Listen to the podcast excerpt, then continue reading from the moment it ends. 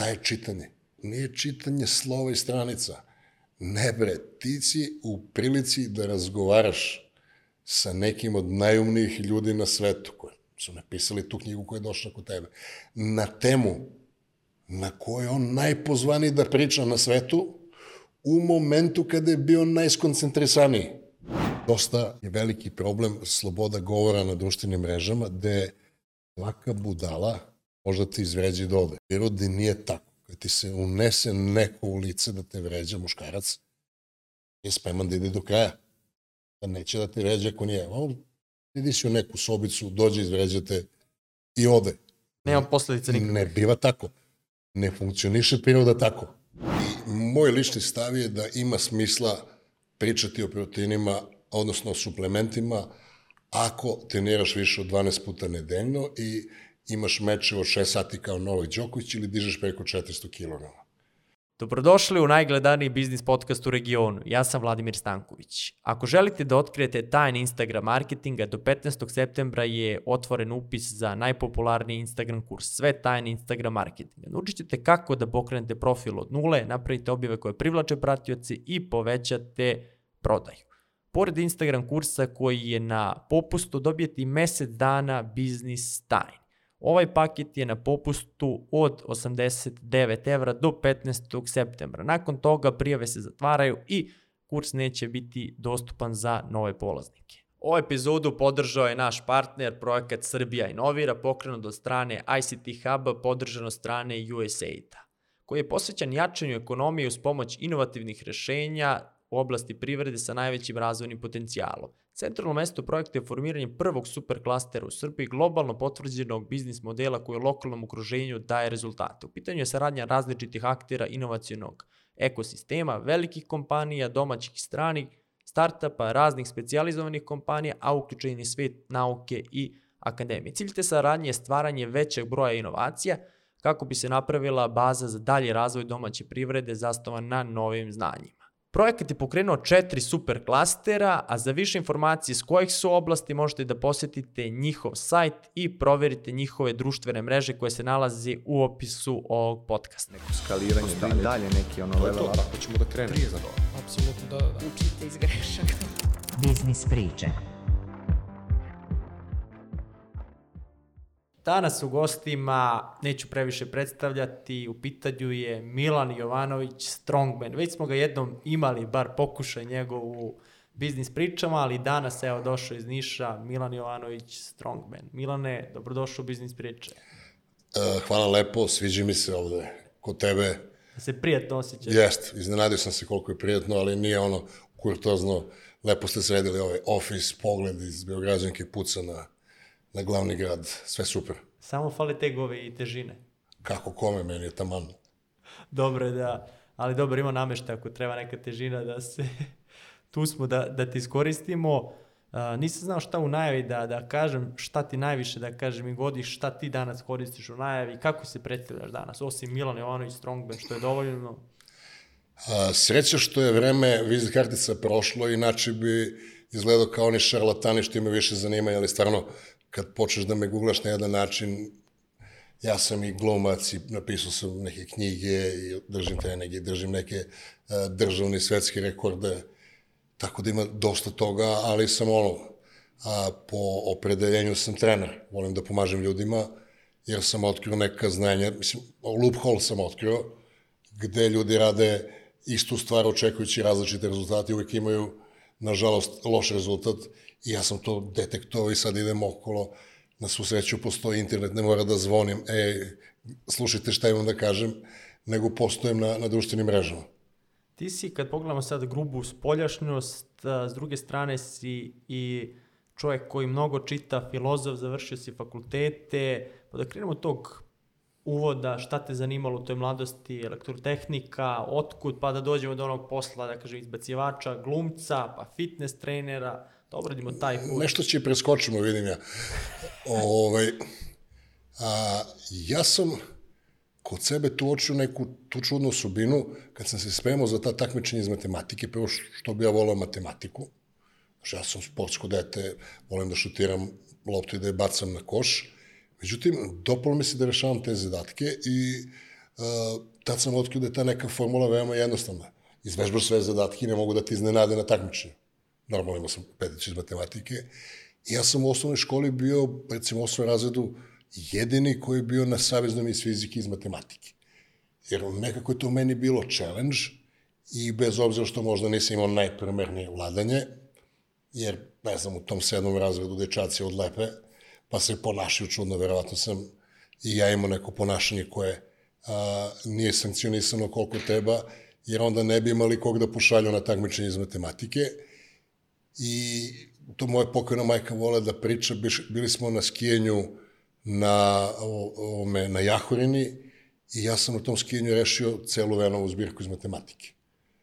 Mislim, bili smo 14 dana, ja sam rešio. Ti toliko dosadno bilo? Ne, nego sam toliko bio što kažu, imaš u Nišu, uh, imaš tvrdoglav, najtvrdoglavi Banza. E, pa, mog pokojnog dedu po majcu zvali Banza. I to izgleda nije slučajno. A, bile su neke situacije, recimo, kasnije ćemo doći na ovo čime se ja bavim, gde su oni bili u fazonu kao, jao, ali al ti vera, što si, nisi odustao. Ja nisam ni razmišljao da odustanem, jednostavno nemam to dugme za odustajanje, a, dok još uvek imam aktivan rezultat. I onda sam ja, recimo, na fakultetu dominirao isto opet... Elektrotehničko. Elektronika, da. E, taj elektronski fakultet ima slab marketing uh, van Niša, ljudi ne razumeju. Uh, samo da završim misao, ja sam jedini, kog ja znam da je izvežbao celu Demidoviću zbirku, to sam samo teo da, to je ogromna jedna uh, zbirka od jednog ruskog baja, vrlo, vrlo uh, teška. Ali taj elektronski fakultet ljudi ne znaju, iznedrio masu ozbiljnih tipova, jer uh, jako dugo je ostao ozbiljan, tamo te dočeka profesor u plavom mantilu, koji je ono, mislim, nema zezanja, čvrsta disciplina, visok nivo zahteva, mora da znaš puno da bi dobio prelaznu ocenu.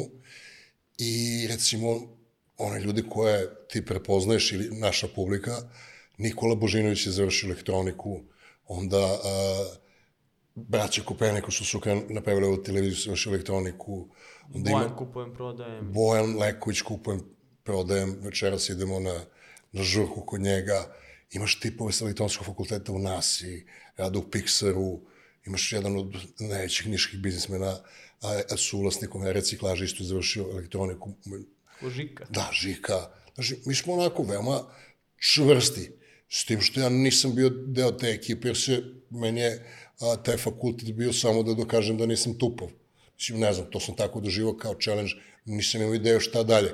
Kad sam završio fakultet, ja jebote ne mogu da sedim u kancelariji, znaš, ono, nije mi, znaš, nisam to tako zamišljao, imao sam kao Jehovini svedoci kad ti lupaju na vrata i ti ih pustiš, kažem, pa ja ne znam šta sad, niko nas nije pustio. Kako sam završio fakultet, ja nisam imao spremno šta ja želim da radim.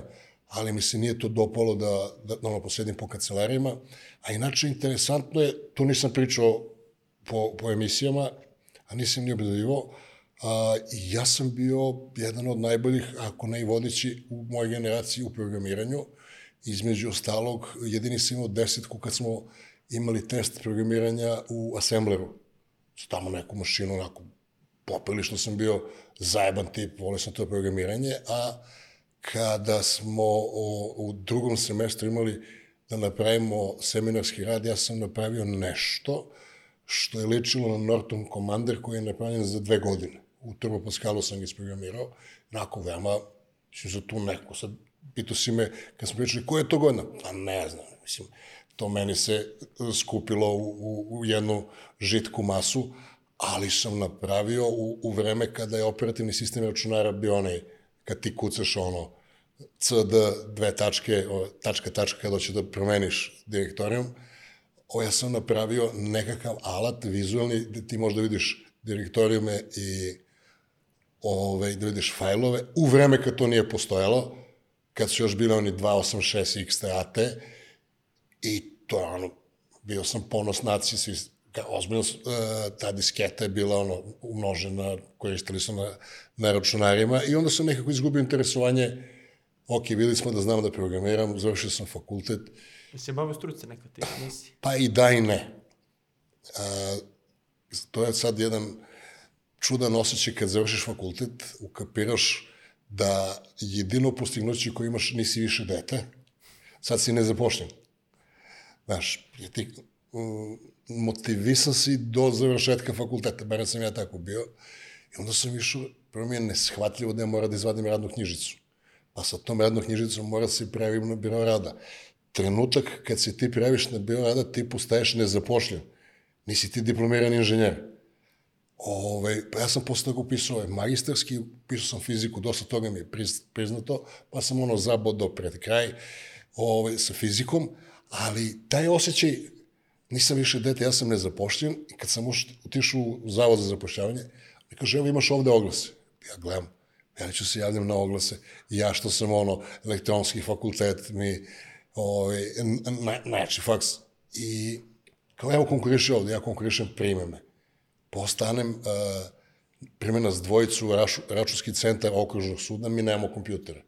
Tako četiri godine. Ja za to ono, magistriram, završim skoro fiziku do pred kraja, mi ne dobismo, ne dobismo računare. Znaš, tako da jesam bio zapošljen u struci, ali, ali daleko, da, daleko toga da sam nešto radio, išao sam na razne obuke, ja to volim, ono, slali nas za trebaće za ovo, pa budemo 14 dana, obučavaju nas razne neke stvari. Uh, meni je to bilo poprilično abstraktno, jer mi nismo imali te mašine, sad nešto gledam. Više bilo sam odbambeno, ali sam peše tih nekih Microsoftovih kurseva završio. I kad sam dao otkaz, ovaj, uh, nisu znali da mi daju povratni papir, jer niko nije dao otkaz u okružnom sudu. I onda me zvao predsjednik suda, Sinko, si siguran? Pa jesam.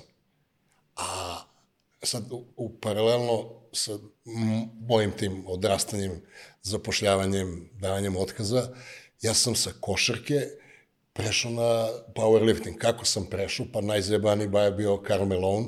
Ja sam počeo da, pošto Grbović bio uh, najsnažniji kod nas, Karmelom tamo u američkoj košarci, sam počeo da dižem tegove, onda mi otkrivamo da sam ja ono genetski s predispozicijom fantastično. Prvi put kad sam probao u životu čučen 180 kila, što je rekord tadašnje teretane, u ove, tadašnje rekord tadašnje teretane i ja vrlo lako usmerim karijeru sa košarke na powerlifting, imam te neke stare slike dok sam još bio mali, ono 100-110 kila, i u košarkaškoj opremi sam se takmičio. I pošto se ništa ne prima lepo kao uspeh, meni se dopadne to umeđu vremenu se izobličim, ono, sa ne, dečak od 98 kila sa pločicama, postanem frižider od 150 kila, ali meni se to dopadalo jer sam megalomanski tip taj, volim da idem do kraja, znaš, ne odustajem, pa onda ajde da pobedim još jedno državno, pa ajde da se kvalifikujem na svetsko, pa ajde da ih pobedim, pa ajde ponovo da ih pobedim, pa ajde u drugoj federaciji, tako da sam ja četiri puta bio prvak sveta i ne znam koliko puta, pošto je bilo više tih federacija, te Jugoslavija, te Srbija, tu nemam evidenciju, te diplome, to ništa ne čuvam. Ja sam zamisli da idem, ej, sinko, da ti ja pokažem. Ovaj, I dva puta sam se vraćao, ono, kao onom vicu kad na pustom ostrvu bili ovi sa plavošom, pa je zatrpaju, otrpaju, da ne, pošto je malo vulgaran vic, da, da ga preskočim, ko zna, zna, ko ne zna. Neka googla. Da, ovaj, i ja sam se vraćao dva puta i dva puta sam se vraćao pobedom na, na, na svetskom prvenstvu i onda sam kapiram da ulazim u neke godine da više nije rizik od povreda nego mogu da pandrknem. I to je, znači ja sam imao uh, taj straš, tu strašnu glad uh, da kad nešto radim, da radim do kraja i da ne bude jednostavno. To je matematika, to je fizika, to je dizanje tegova, jer je, mislim, lako je da se nabildaš teže da budeš jak. Mnogo je teško da budeš jedan od najjačih, a jako je teško da budeš najjači. I jako je komplikovano 10 godina da budeš najjači. Jer to ono, neke greške koje se radi u prošlosti izađu na površinu tako što se povrediš. Ja se nisam nešto specijalno povređivao i imao sam onako naučni pristup, znaš, ukapirao sam treba minimizujem rad, da radim samo esencijalno parotov princip, radio sam stalno taj čučen, i kad dojačaš, kad ti čučne skoči za 20 kila, sve ti skoči za 10 kila i, i bench i potesak iznad glave. Eto, to je, ovaj, držao sam neke kafiće, dva, tri kafića, bio sam, prije sam napravio zimsku baštu, 2000. godine, mislim, zimska bašta nije postojala kao uh, institucija kod nas i onda je počelo, pošto uh, u tvojim mojim emisijama pričao kad su kupovali kola, jahte. Ja sam kupio džipa, Mercedes sa Pera, nije Ne. Pera. Kupio sam ovoga Grand Cherokee, neki special edition 6000 i nešto kubika, Mercedes sa slona, BMW motor.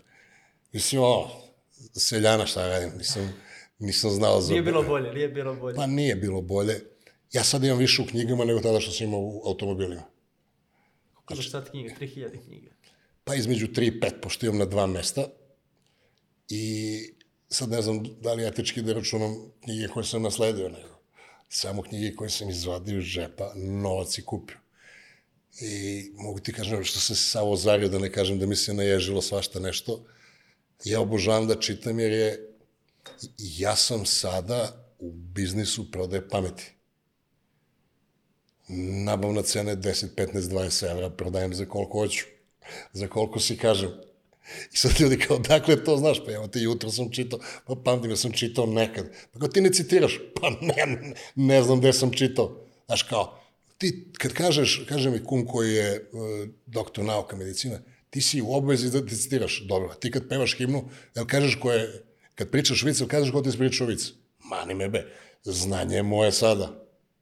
Eto, to je onda, naravno, e, kad sam prestao da budem, e, Najjači, da? ne, kad sam prestao da budem ta fora u gradu, kad su, pošto je publika e, za te kafiće uvijek traži novo, ja nisam ni osetio da je počeo bankrot.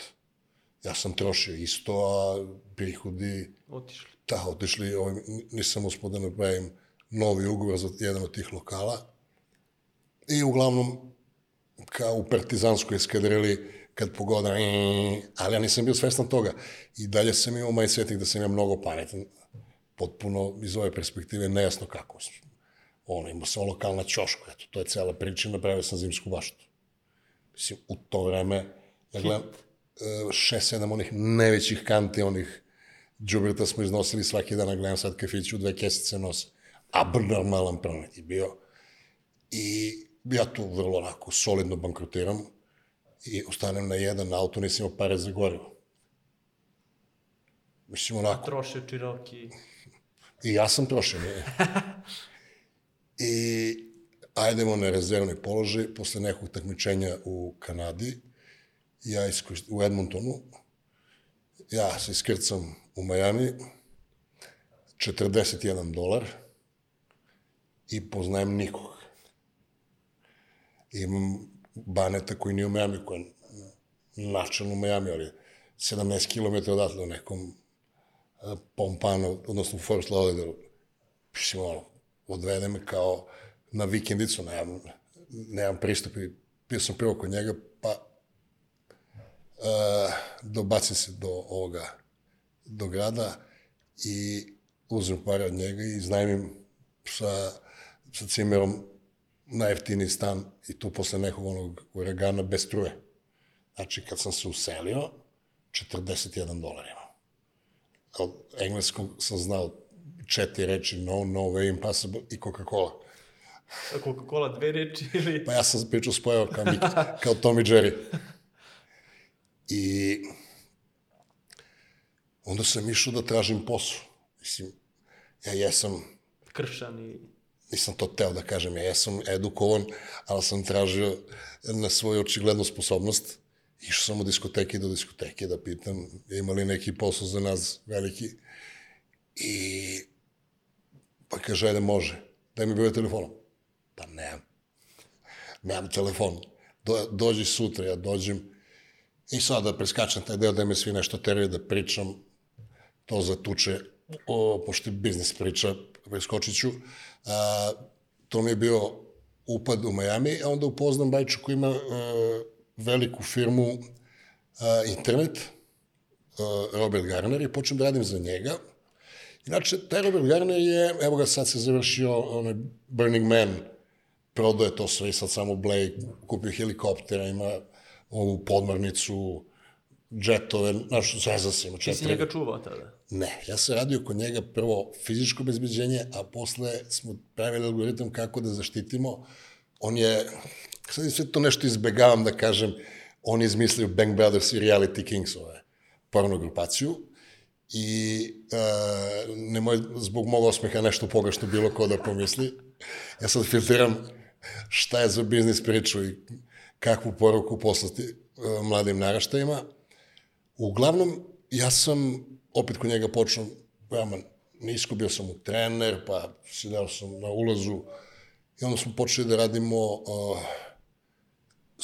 napravili sajt Fling, uh, Fling je sajt za dating i onda smo tamo pravili uh, način, algoritam kako da prepoznamo fišovanje, a to je predstave se ženska, pa naiđe na nekog usamljenog, sad ja pazim da ne pokažem na tebe, nego kažem na, na nekog pa mu uzme pare. A inače, Robert Garner je uh, imao zgradu na kojoj je pisalo webdate, sajt webdate.com je bio isti Facebook pre Facebooka. Znači sve isto.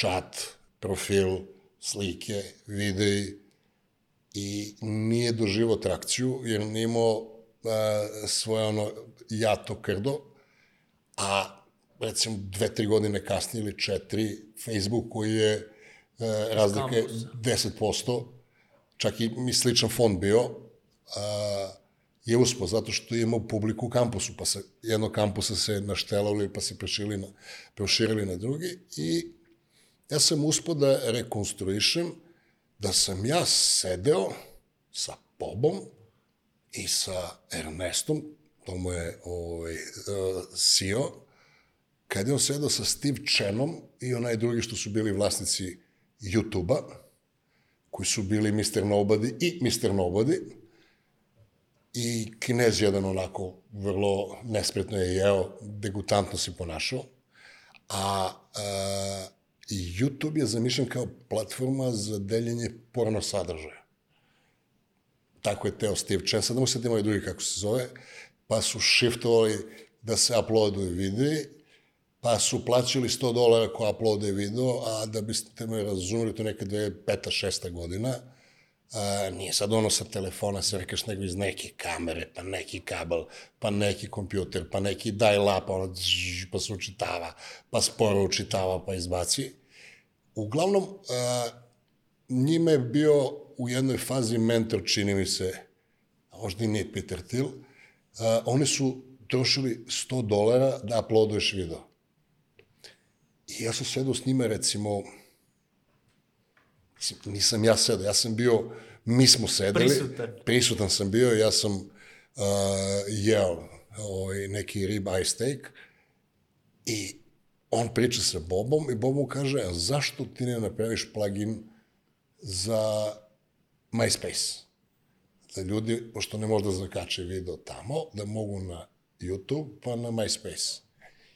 I on čovek napravi i ovakav skok. Znači ja sam mesec dana nakon toga napravio svoj prvi YouTube kanal, tako da ja, recimo, tri ili četiri godine pre bilo kog domaćeg youtubera imam svoj YouTube kanal, ili dve, ili ne znam koliko, s tim što nisam pridao značaj tome, imao sam tu neke snimke ovaj, sa decom, sa ženom, pa nešto sa Kimbom, ovamo, namo, ima tu nešto je zaključeno, jer je ono, e, da, deca kad su mala bila, i e, rodi mi se, stvari ne rodi mi se ideja, Bob kaže što ne napraviš sajt, jer sam ja totalno nije, ne mogu da usuglasim jer ga nema Bob da ga pitamo i on se ne seća. Uglavnom ja napravim seriju sajtova, jedan je bio strongbench.com, a drugi je strongglue, treći je bio uh, uh, 69 days body, napravim 7-8 sajtova, gde snimimo vežbe, napravimo ovo, plan iskrene i to se prodavalo, ja sam bio vlasnik, meni su išli prihodi, tako da ovo što ja sada radim nije mi palo, nego ja to 17 godina se bavim time. Znači imao sam YouTube kanal, imao sam peše sajtova i onda sam imao sam i kupljene domene, kupio sam neke onako zajebane domene, recimo naked.com je bio moj domen, i imao sam powerlifting info, bodybuilding info. Uglavnom, uh, ja kada mi je, ja sam te pare ono, akumulirao, a kada mi je udarila neki način nostalgija i šta znam, da ne ostanem baš sve u Majamiju, a i postalo interesantno, jer moja generacija, moja rotacija postali vlast u Nišu. Ajde be, dođi. A mislim, I ti odustaješ od američkog sta i vraćaš se pa u, američki u san je da se vratiš kući. Je li to američki san? I kaže, će te stavimo da budeš direktor. De, pa de hoćeš. I ovaj, ja Teretane. prodam i imaš sedam sajtova i te domene. iz Si puta. to dobro da prodaš ili da pogledaš iz ovog ugla sada? Pa da. Da, to je, ali to, to lovo nisam dirao, jer to je lova, ta lova je municija. Znaš, to što, da ne napravim istu grešku kao sa kafićem, te sam pravio abnormalnu lovu, ali sam trošio ono, a, ono, Još već. kako se zove ono, u Excelu, obe strane mi bili isti privatni Excel, prihod, rashod, nula. Kad se, e, I nakon toga ja se vraćam u Srbiju, postajem direktor u javnom preduzeću. To je strašna bolja, to toliko meni... Toliko, Koliko si sad, kad da stavimo odnos, koliko si tu imao platu sad u javnom preduzeću, direktorska pozicija? Pa, Niško javno preduzeće 40-50% od Beogradskog. Eto, tako je plata. Ja sam bio u slabom preduzeću, bio sam broj 2 i tu svašta nešto nije funkcionisalo, ali to je u stvari model poslovanja. Ja sam teo da ispravim i svi su me nešto kočili. Znaš, nismo mogli da naplatimo su, nismo... I svi nešto se, nešto se protive. Mislim, a, recimo, taj neki matori direktor iz ove najstarije partije, on si sagradio zgradu od uh, ovih para iz firme i sam si naplaćuje uh, iznemljivanje, a koristi sve resurse. Znači, ne postoji u papirima. Čudno je bilo, pa me zvao ovaj onaj. A u to vreme a, rodio mi se treći sin uh, Vasilija, a srednji sin dobio diabetes. Da se desilo prvi put da on otišao da igra futbol, pao mu šećer, ne može da dođe kući, a da mu otkaz. I isto situacija, zahtev, Niko nije dao otkaz. da, zahtev za sporazum. i- A tih dana sam dao nekom čiči sat koji za 40 godina nikad nije izostao. Pitam, kako? Pa ja kad ne radim, ja ustajem u četiri, ovako u šest. Znaš, odmah sa sela, mora ovo, ovo, ovo, ovde, brate, naspavam se do šest, dođem pevajući na poslu sedam, milina. I otvorio sam jednu, pa drugu, pa treću teretanu. Ideja mi je bila da napravim ovaj, lanac teretana gde možda vežu sa jednom članarinom, što je nakladno postalo fit pass. Mislim, taj koncept, s tim što je on pametni, pa nema facility, ja sam imao i facility. On je ispregovarao, a ja sam e, napravio to hardverski i meni to jako bilo interesantno. Ja sam pravio sprave, kako ti kažem, trening kamp sam zatvorio. Prvo žena mi je rekla, kako nisi ufarbao sprave, si metal samo izlakiram. Da pričamo o nekoj 2008. 2009. Pa što ne ufarbaš? Sad, prošle dve godine od kako sam zatvorio tu teretanu, jer niko nije teo da dođe. Imao sam gumu, onu da okrećeš, imao sam da udaraš gumu čikić, imao sam one monkey bar, imao sam ono, ne znam kako se zove, da ubaciš, pa se penješ ono, pa sam imao uh, da radiš gibove sa kuglama, sa pločama, da sve sam napravio, sve što postoji, Zašto ljudi nisu dolazili? istina kojoj nije došlo vreme. Jer ti mora da ga Poravio si edukuješ da može da uživa. Znaš, ti ne možeš nekog ko, ovaj, ne znam, ne pravi razliku između rake i piva da kažeš, evo ti šampanja s najskuplji, njemu sve jedno. On, bitno mu je onaj sedmi minut kad uh, počinje da, da ga udara u glavu. Znači, to je, uh, meni se zvalo treniraj pametno, a u Beču postoji, postoji smart fitness. Ja sam samo žene pustio ovako, pogledaj video, ovo isto kod tvoje. Devet godina kasnije. I meni je ostalo tu kad sam pravio te sprave, javio mi se Bajč iz Beograda, kaže, ovo je genijalno, jel može za mene, napravio sam, uh, imam tu nekoliko patenata, sprava za bolove u leđima, reverzna hiperekstenzija, što je pravio ovaj, uh, Louis Simons, ja sam je napravio da može da pivotira po, po više ovih osa i napravio sam, uh, devet sprava sam napravio za zadnjicu za žene, tu sam sa istog trebao da imam, sa istokom trebao da imam start-up, pa nije uspelo da napravim univerzalnu mašinu, to napravio Isto Pavlović pre jedno 7-8 godina, i program i mašina, i uh, posle se ispostavilo da je bilo dobro što sam to patentirao. Ono, u, na par mesta sam za, zavalio ono, reality i onda sam prodao jednoj poljskoj firmi i tu sam si uzao nešto. Inače, ja imao sam tu radionicu za, ajde da kažemo, fabriku, ali radionica, mislim, ja i dan danas ne, se naježim kad uzem brusilicu i ono, da varim, ja to mnogo volim. Ja mogu da gledam ono kad renoviraju kole, kad nešto rade, mogu da gledam na YouTube-u koliko hoćeš, znaš, moram udari nek, a, može. Jer ja volim nešto što se, gledaš ga, ono se materializuje. Znaš, ti kad gledaš, pravio sam, recimo, a, ono što, recimo, za trening za zadnjicu.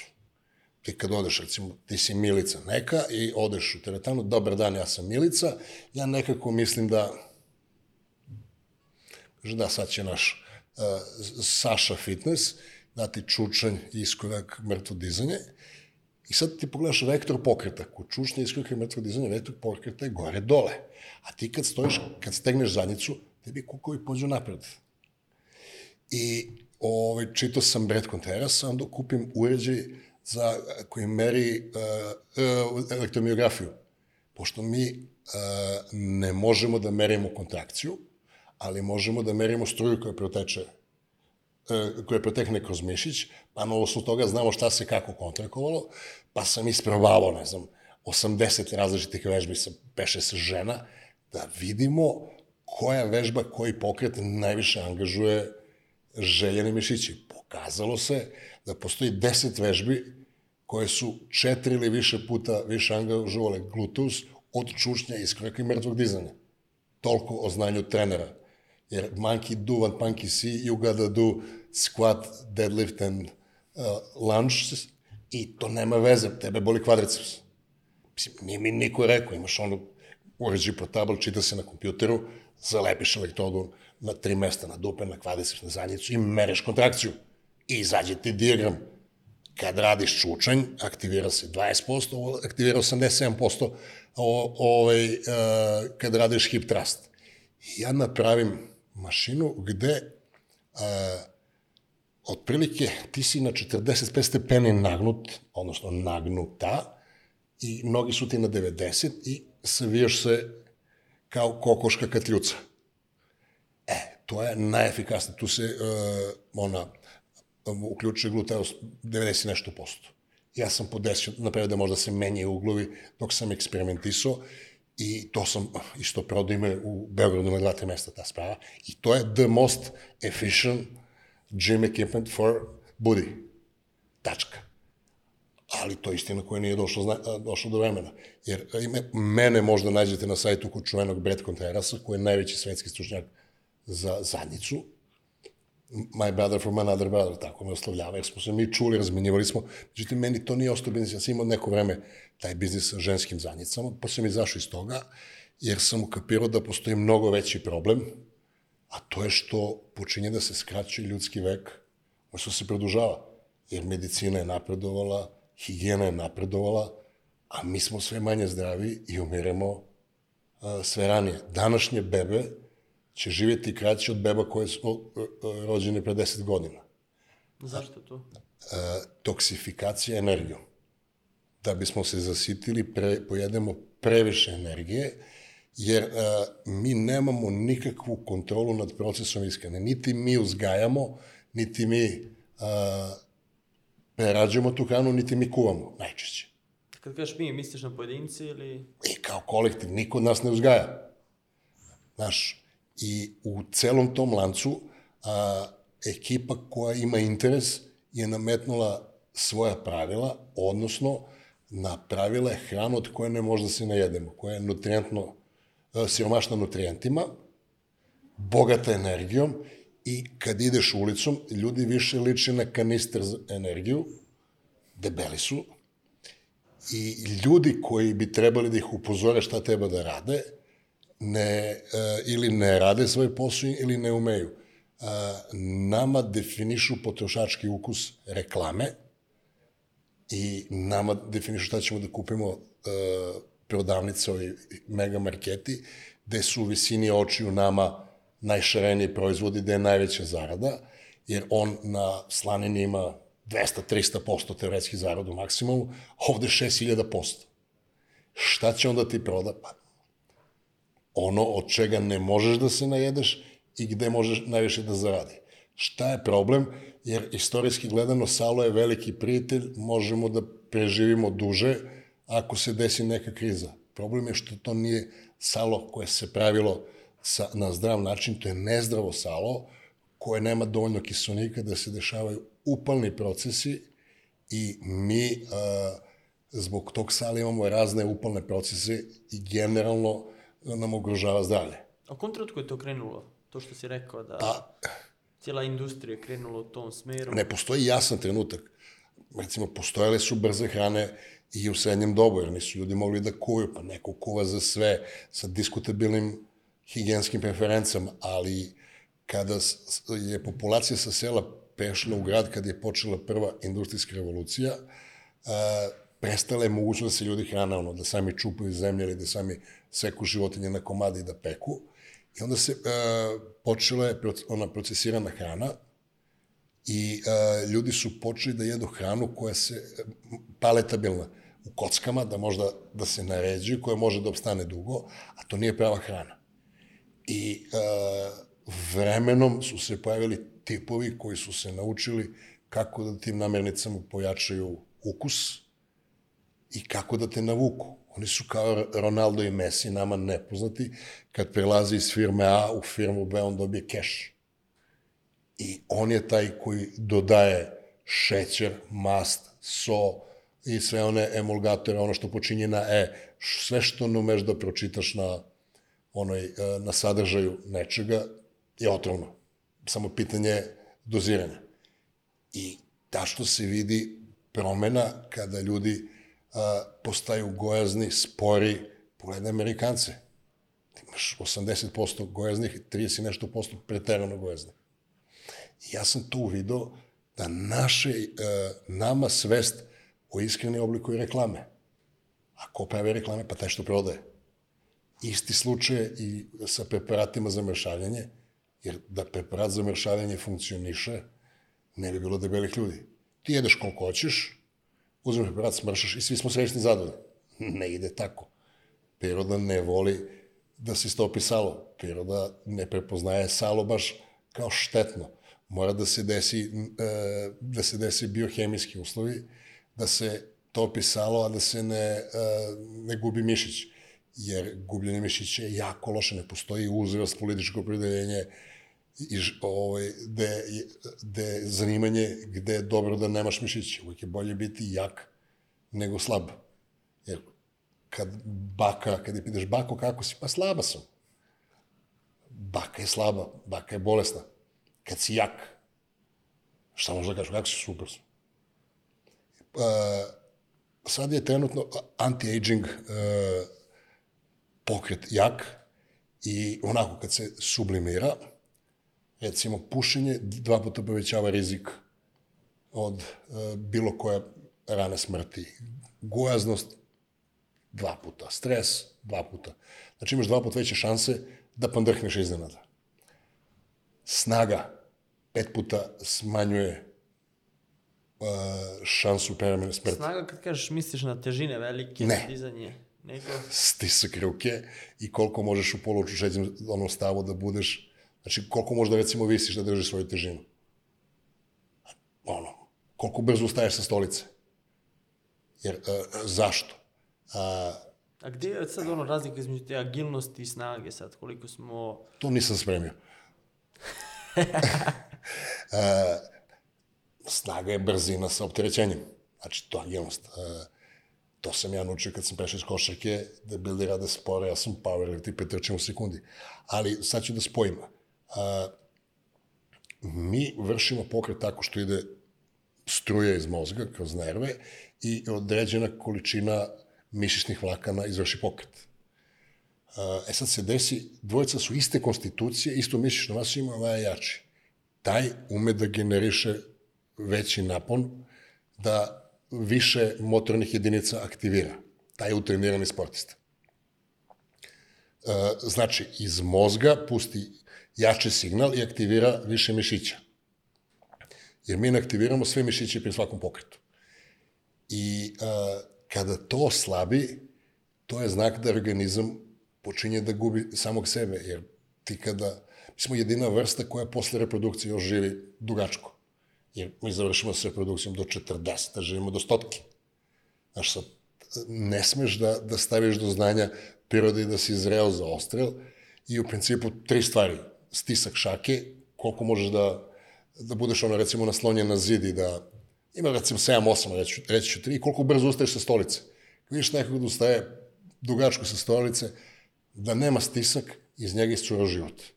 Ne kažem ja, to kažu anti-aging eksperti koji se bave time. To je nauka od skora, ljudi se nisu bavili time na naučan način. Ajde sad da stanemo kod ovog stiska ruke. Sad, radio si, te, e, čuvao si te ljude, sarađivao si te, sa ljudima koji su uspeli dosta u biznisu u Americi. I sad kad se rukuješ sa njima, čak i po konstituciji, kad su manji, kakav njihov stisak ruke? Jesi mogao na osnovu toga da izvučeš neki zaključak, osim toga da li su snažni ili ne? Čak i kad nekad izgled zna da zavara, pazi, ti si krupan čovjek, ono, očekuje se da imaš jak stisak ruke, kad nekog me sitnog... u, u neko prošlo vreme da ja ne mogu sada da isfiltriram informaciju kako treba, A evo danas, evo, na primjer, i danas upoznaješ ljude. ali imaš tu nekoliko stvari, kako ti kažem, a, prijatno je kad se rukuješ s nekim da pokažeš energiju. Neprijatno je kad ti neko pruži ruku. Mlitavo. Mlit. Onda a, ljudi koji su dominantni, oni okreću, hoće da pokažu... Kao Trump. Da, o, okreće, hoće da, da, da te zatvori. Mm, mislim da je to neka životna energija i osjećaj za meru. Ne preterano jako, ali da pokažeš kod stiska ruke nekakvu energiju. Postoje ljudi koji, nažalost, nemaju energiju. I tako idu. E, I ti ljudi često u životu budu kao plastična flaša bač- bačena u reku, znaš, nemaju, nemaju volju da se suprostave. I ja sam, da se vratim na, na početak misli, ukapirao da se ljudima kao zdrava iskrena prodaje iskrena od koje nije dobro i da im se kao o, model za mršavljenje isporučuje model potrošnje, da će on sad da trči, da potroši, sad e, da trčiš koliko možeš da trčiš, ja ne znam, ali možeš trčiš sat vremena, ti potrošiš 400 kalorija, a in and out u McDonald's je 900 kalorija. S tim što ti 400 kalorija ne trošiš iz sala, nego trošiš uh, glikogenske rezerve, pa ako dugačko ideš po činjenici topi nešto, a čim sedneš za sto, ti si gladni taman za toliko. Jer uh, taj model da mi ćemo da potrošimo je davno napušten, međutim kod nas je aktivan i ja sam uspio da definišem šta je to minimalno, šta treba da radi neko ko ima normalan život, vozi decu u školu, ide na pijac, ide na posao, sam pere prozore. Znaš, mi ne možda očekujemo uh, i da, da, da očekujemo od nekog da trenira kao Đo, Novak Đoković ili kao Lebron i da igra 6 sati da udara lopticu ili da baca na koš od normalnih ljudi, jer on tebi već bio vrhunski sportista. Običan čovek želi da izgleda lepo u majici, eventualno u kupaćem kostimu, u kupaćim gaćama i kad mu ispadnu ključevi da možda dovati i da možda veže pertle. Mislim, pričamo o nekom 35, 40, 45 godina. I a, kao takav, on dobije trenera koji se prema njemu ponaša kao da je Novak Đoković ili kao da je a, eksperimentalni zec, ajde da probamo. Ljudi ne mogu da iznesu. Znaš, To i ne žele. ne, teško je bre. A ja sam uspio da, onako, gledaš i da odredim koji su tih 20% koje najviše leverađuju, koji ti daju 80% rezultata. Ja ne želim da radim sa vrhunskim sportistima, ja se radio sa vrhunskim sportistima i e, to je stresno, naporno, jer on je na 97%. Ti kad mu dodaš 3, 4, 5%, ne možemo objasniš gde su.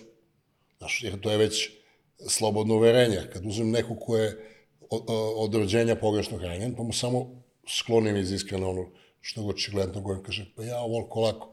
Bio sam, da li Antalija ili ne, neko mesto, sreo sam ovaj, gospođu jednu koja si, me izgrlila. Kao ja, vi me ne znate. Ja sam pratila vaše posle, dva puta sam vas pitala na Instagramu, nisam uspio da rekonstruišem koja je 40 kg skinula i sad je prvi posle 10 godina na moru. A šta je to radila sad? Jel se znojila u teretani, treninzi hardcore ili promena životnog stila? Ima nekoliko stvari um, oko, o, oko neke se lome koplja, a neke su istina do koje, oko, e, koje još nije došlo vreme. Osnovna stvar je što treneri uglavnom kažu kalorijski deficit, to je tačno. Ali se postavlja pitanje zašto ljudi sada više jedu. Što ljudi pre 70 godina bili vitke, sad nisu. Šta sad, nemaju volju? Ne, promenjena je hrana. Jer hrana koju jedemo danas svičuje masne ćelije u mod za hranjenje. Luči se insulin, on razbesni masne ćelije i sve što, odnosno dosta toga što pojedeš, umešto da se koristi, pakuje su zalihe.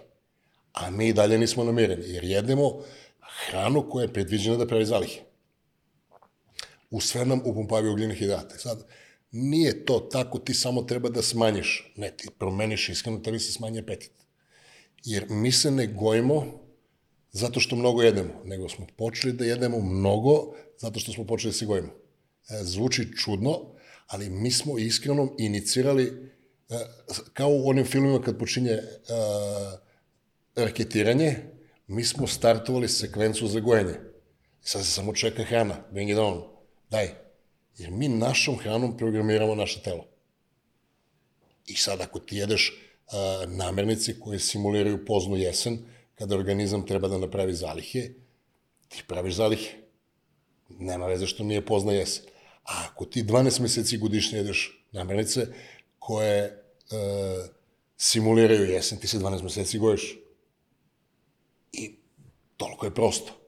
Izbaciš, odnosno svedeš upotrebu tih namernica na minimum, mislim, da pojednostavim. A, meso i salata. Sitost postižemo a, sa količinom unetih proteina. A vlakna su a, dobra jer smanjuju glad, čiste creva, obaraju pritisak, vlakna su dobra i usporavaju varenje. Jer kada a, jedeš nešto što brzo diže šećer, luči ti se insulin, insulin je hormon koji je prekidač za salo da se otvori, da se pune masne ćelije kada sa vlaknastom hranom, onom koja se ne vari ili se sporo vari, e, napuniš želudac, sporije variš i sporije se diže insulin i ne dođe do nivoa kada se masne ćelije pomame. E, pitaćeš me koje su tri knjige, pa ovo je, već smo protrčali e, za uvek gladni, doktor Ludvig, on kaže, treba da napravimo nisam tu tada da te pitam. Nećemo pići, daj mi da vidim. Za tri knjige, nemam pitanja, znaš da nemam pitanja. E, sve Znači, koje dok, doktor Ludvig, on kaže da uh, mi treba da napravimo primjere sa nam, našim masnim ćelijama, jer se mi ne gojimo. Uh, pitao nas uh, drugar malo pre, kako je da su gojimo? I on jede mnogo, ali ne može su goji, jer kako ta hrana se ne primenjuje, ništa. To je jedna knjiga, druga je uh, uh, Sugar, Fat and Salt. Uh, nju sam spomenuo, to je Michael Moss, on je dobitnik Pulitzerove nagrade, on je pisao o tome uh, kako ljudi dopinguju hranu da bude ukusna i kako da se mi navučemo na hranu. Jer uh, mi kada jedemo uh, tu ukusnu hranu, mi ne možda prestanemo. Zato što M je ukusna, M te kalorije ne završavaju u aktivi, nego u, u zalihama. Mislim, kratak recept, na početku obroka pojedi meso i salatu i posle niko, ono, najedeš se, ali ako jedeš testo, pa slatko, pa isprobavaš, onda ne možeš da, da se ne jedeš. I tome treba dodati trening koji ne radi na tome da ti trošiš energiju, nego da dižeš kubikažu organizma, odnosno kubikažu motora. Imaš auto od 750 kubika i auto od 2000 kubika. Koji više troši? Od 2000 kubika. Zašto? Pa više troši logično. Kad imaš uh, neko ko nema mišiće i neko ima mnogo više, više mišića, ko više troši energije kad ništa ne radi? On sa mnogo mišića. Trčanjem mi trošimo tad neke kalorije koje nisu sala kao što sam rekao, ali trčanjem ubijamo mišić jer uh, telo se optimizuje na trčanje, pogotovo ako gladoš. Uh, dezintegriše mišiće koji se ne koriste kod trčanja, a i na nogama zadrži samo neophodne. I onda ti kad prestaneš da trčiš, tvoje telo u mirovanju nema uređaj za potrošnju. Zato su moji treninzi izgradnja, ti čak reka ćeš da jedeš više kalorija, a da ti se topi salo. Jer gradiš mišić i taj mišić usisava to što jedeš. Znači, nema pojentu kada sad idemo u teretanu, ajmo traka, trčanje, ljudi uzmu sat vremena trče na traci, to je trening, hoće da skinu savlo. Samo je pogrešno brendirano. Trčanje je odlična kardiovaskularna vežba, uh, Ali za skidanje kilaže, n- n- da mi smo visoko, ajde recimo da iznad nas krov, prokišnjava od ozgo. Trčanje brišeš pod, a trening snage e, popraviš kvar. Ti treba da povećaš potrošača, a ne da potrošiš da, da, da voziš na 7000 obrte. Znači, treningom snage, tim, to je takozvani, ajde ovako, metabolizam je niz hemijskih reakcija kojima se uh, iz materije stvara energija. I uh, metabolizam mirovanja je koliko mi trošimo energije kad ništa ne radimo. Jedina variabilna komponenta u, metabolizmu mirovanja, pošto mozak troši, srce troši, pluća, uh, održavanje telesne temperature, jedina promenljiva komponenta je uh, količina mišića. Manje mišića, mišića sporije metabolizam. Više mišića, mišića uh, brže metabolizam. Eto, to je. Ja sam poprilično impresioniran da je stvar toliko jednostavna i da ljudi ne vide da su zavedeni raznim industrijama. A, mnogi treneri žele da ja mnogo znam, pa te onda natovarati dobiješ upalu pove štetna i ti ćeš da gladuješ, gladovanje nije dobro, onda a, odeš u prodavnicu da kupiš, on ti kaže, evo, uzmeš ovaj preparat. Sad je jedan deo koji bi ja iz, ono, veoma oprezno ispričao, a, 90% problema su problemi inputa. Šta jedeš? Jer a, ti kad voziš malo bolje auto, neće sipaš na lošoj pumpi gorivo, makar je kurao auto do sledeće pumpe. A zato ćeš da jedeš u bilo kojoj brzoj hrani kad si gladan. Ljudi nemaju svest o tome da kako ga hraniš, tako će da funkcioniše. I e, e, ljudi sa kojima komuniciramo, kad nam nije dobro, se zovu doktori. Da li imaš predstavu koliko doktori uče o ishrani, direktno ishrani, recimo ishrana za debelu decu, ishrana e, za ljude sa astmom, koliko sam ja istraživo na medicinskom fakultetu u Beogradu Nišu, se spominje ishrana na predmetu koji se zove higijena. I tu se uči nešto sitno ishrane. Oni nemaju e, kolektivno znanje. Naravno, divni ljudi, lekari, ni, ništa ne zameram. Neko se posle opredeli da istraži, naravno, postoje nutricionisti, ali e, lekari rade tri, a sad i četiri nivoa prevencije. Prvi je, imaš visok pritisak, daj da smanjimo, drugi nivo prevencije, e, imao si šlog, daj da sprečimo, drugi šlog, treći nivo prevencije, daj da te naučimo da živiš a, nakon infarkta i četvrti nivo prevencije da pomirimo sve lekove koje uzimaš, evo ti šesti lek. Jer a, škola je prvenstveno indoktri, indoktrinisanje. Jer ti dok ne, ne kreneš u školu ti imaš najrazličite ideje, onda te škola ukalupi. Bilo koja škola služi za to da se ne ponašaš uh, kako ti misliš, nego kako se svi ponašaju, da nas standardizuje. Uh, medicinski fakultet uh, gledano inženjerski te uči kad si lekar ili da nekog staviš na terapiju ili da ga isečeš. A ne postoji nulti nivo prevencije, na primjer, dođe žena sa astmom, teškom astmom, koja živi u boru i puši tri pakle dnevno. Oni daju lekove. Ne teraju da se iseli da odu Herceg Novi na Zlatibor i da prestane da puši. Mislim, malo karikirano kažem, kod nas medicina se bavi više posledicama nego uzrokom. a preko? Pa i preko. Kada su probali u Kaliforniji da nametnu da svaki doktor mora da ima, ne znam, 5 sati godišnje edukaciju ishrani, nije prošlo. Lekarska komora se nije složila. A su uzeli, ne znam, 20 sati ili 35 sati edukacije o, o, o obezboljavanju pacijenta u termalnoj fazi kancera. Da se prodaju lekovi. Jer ti kad nekoga edukuješ, to nije biznis. Kad ga edukuješ da se pazi, to nije biznis. Mislim, Ali biznis sve pokreće. pa, doručak, veći deo istorije nije postajao. Jer pre 500-700 godina se probudiš, nema frižidera, nema cornflakesa, znaš, neko čuva vatru, deco neko ide da donese. Mi smo imali fazu traženja hrane, klopa i povečaja. Jeli smo jednom dnevno ili nijednom. A, a ista ekipa koja je prodala pušenje Amerikankama, jer žene nisu pušili dok nije bila kampanja Liberation, šetale se žene s cigaretom, i su oni e, u jednom sanatorijumu e, davali pacijentima sa psihičkim poremećajima i sa ovim e, kako se zove, sa raznim nivoima stresa, one pahuljice koje su slučajno otkrili i onda su to počeli da prodaju kao zdrav doručak. To je isto priča za jaja i slaninu. Izmišljeno je. Doručak je izmišljen. A sad kad gledamo tada nije postao doručak, ali gledamo sad životni vek kraći, je li ima to veze? Pa, uh, ja sam Bez veliki... doručka. O, Ko je tvoj 2000 stav prema doručku? 2009. godine Nobelovu nagradu za medicinu je dobio Japanac koji je istraživao šta se dešava kada mi ne jedemo, odnosno kada postimo. I a, dolazi do fenomena autofagije. Autofagija je proces kada organizam kome se ne daje nova količina nutrijenata se snalazi sa onim što ima. Šta radi organizam? Gleda polu raspadnute ćelije da popravi ako može, one koje su više raspadnute uzima delove sa njih uh, organele da popravi ove koje mogu da se poprave, ove spaku izbaci, ekstrikuje o, uh, otrove.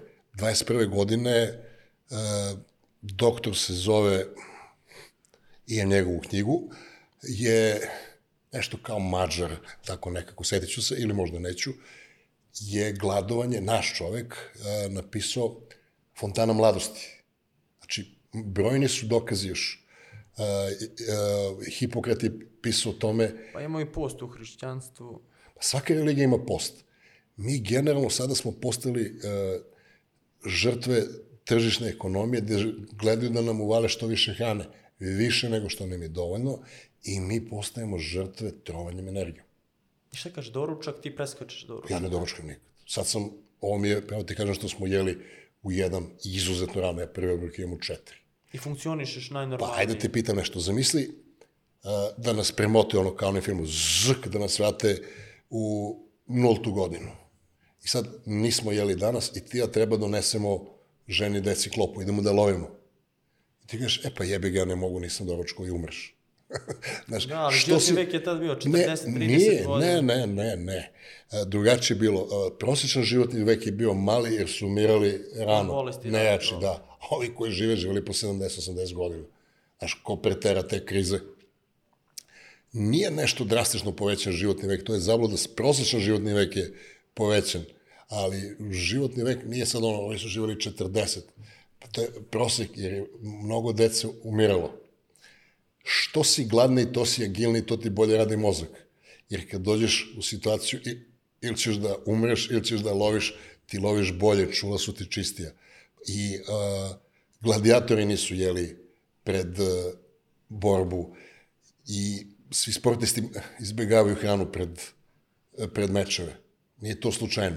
Imaš brojne primere, recimo LeBron James ide na intermittent fasting, a on ima 500 godina, trči, skače kod da ima 20. Kako ti održaš tu kilažu, da kažem sad, e, i kilažu i mišiće bez doručka ujutro, jel ti to utiče nešto? Sad, na primjer, jeo si do sada si doručko i sad prekidaš to, ne doručkuješ, narednom periodu šta se Pa dešava? ja nisam nikad nešto bio veliki pristalica doručka, jer mu nešto te gorušice, te, ono, što kaže ona, po, poždrino sam.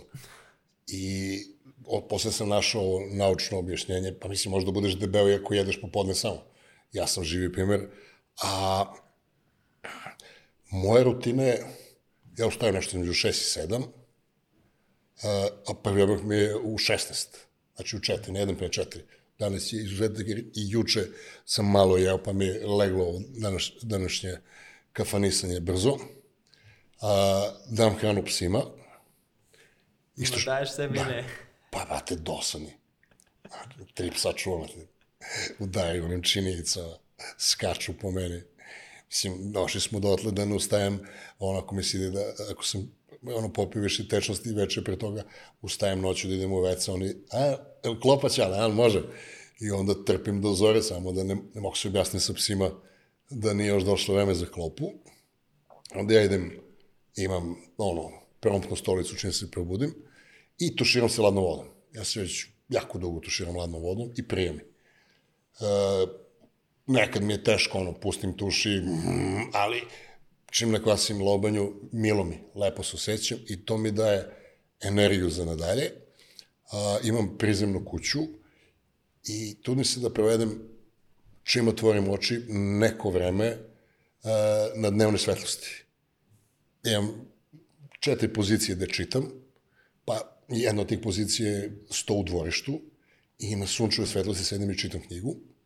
Ne sedam za radni sto dok ne odradim trening a pokupovao sam sve da ne moram ništa da premeštam, naređeno je 160 kg na čučnju, stotka na kosom benču, 160 kg mrtvo dizanje, znači prvi, nakon što čitam malo, uh, popijem kafu, čučanj, bench press, mrtvo dizanje, pa onda radim sa, on, neke serije sa 30-40 kg potisak.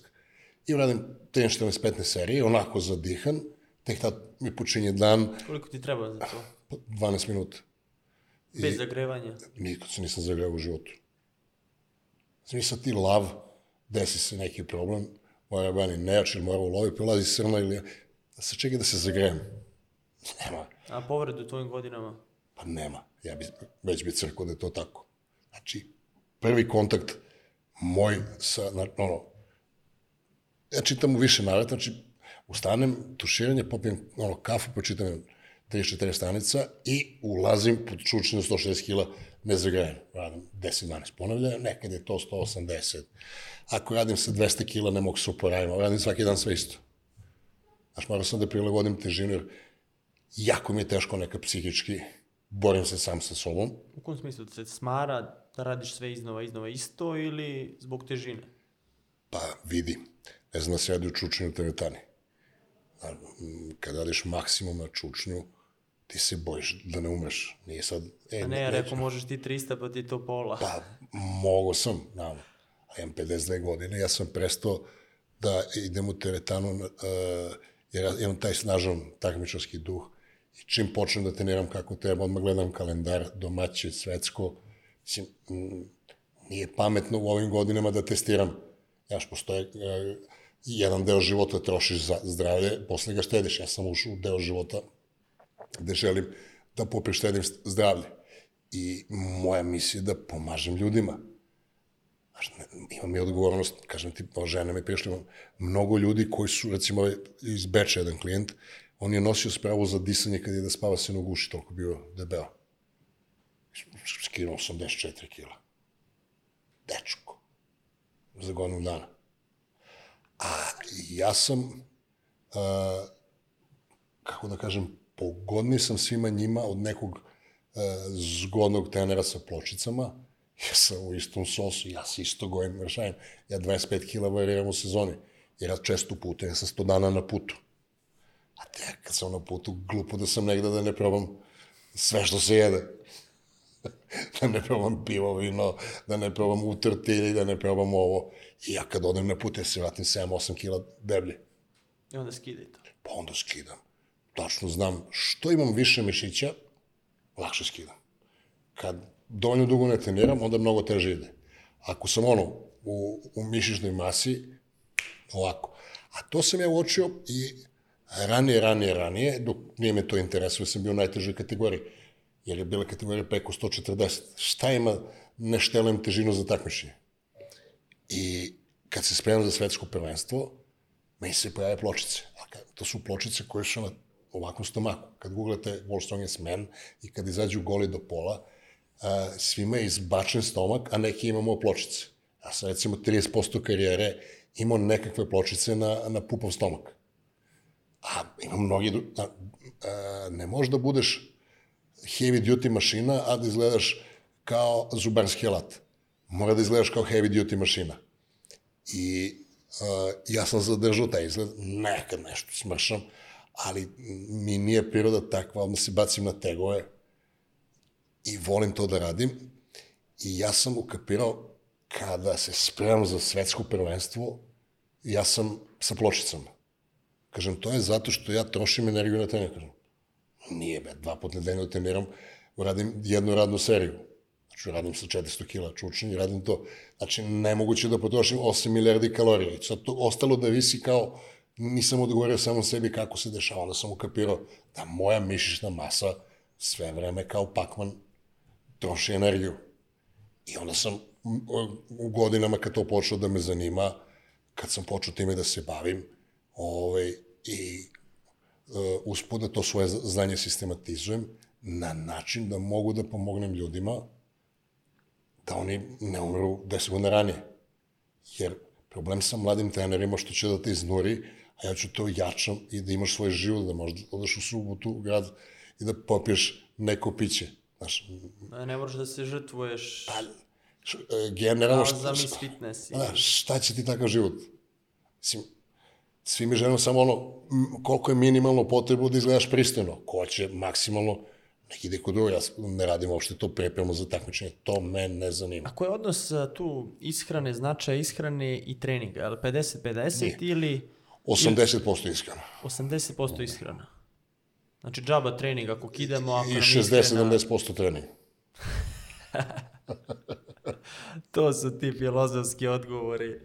I, i 80% iskreno, 100% trening. to je... Dobro si mi. A jedna tema do koje, koje smo malo pre dotakli, to je testosteron. Testosteron. Testosteron. Rekao si da je svet u testosteronskom deficitu. Pogotovo muški. Šta se tu zbilo poslednjih 40 godina? Zašto su, zašto je taj stisak slab, manjak testosterona, šta sve to dalje prouzrokuje? E, testosteron je muški polni hormon. Do recimo 12. i 13. godine dečaci i devojčice izgledaju slično. U, e, nekad je bilo do 17, sad to ranije, onda e, devojčice se zaobljuju, postaju ženstvene, a muškarci nezgrabni. Počinju da im rastu nosevi, jabučice, prsti, stopala i tada počinje da im se luči testosteron primarna karakteris- karakteristika je on aktivira ove muške primarne seksualne karakteristike, tada muškarac postaje svestan svojih genitalija više nego samo ujutru i a, nivo testosterona definiše koliko si ti muškarac. Ja sam u nekom svom od onih um, obožavam ove Reelsove, to mi je novi ovaj, a, nadograđeni način komunikacije. Ljubi brat opisao. Da, jer a, žena i deca se vole bezuslovno. I psi. A oni tebe vole uslovno. Žena i deca, šta doneseš, šta preneseš i kako ih zaštitiš. E, jeste, kažu feministkinje. Mislim, e, ovaj klizav teren, današnji feminizam se manje, po meni, bori za prava žena, a više ima nekakva frustracija, po meni. Jer sam bio e, nataknut na feminističko koplje ni kriv ni dužan, nekom prilikom. E, ja ne smatram da su žene ravnopravne, e, imaju ista prava, ali manje obaveza. Mi održavamo porodicu zajedno, znači to su naša prava, muškarci imaju veće obaveze. Kada prokišnjava krov, neće moja žena se penje. Kada pukne cevka u podrumu, neće žena da ulazi. Kada upadne lav, neće ženo šta će radimo, nego ženo, izvini, ću ti prenem tepih. Znaš, sad će neki lav da pogine. Znaš, jer muškarac koji nije u stanju da zaštiti porodicu, to je muškarac koji nema dovoljno testosterona, jer taj testosteron te održava, kako ti kažem, radili su istraživanje kada hokejaškoj ekipi puste final od prošle godine kad su pobedili za 20-30% im skoči testosteron dok gledaju.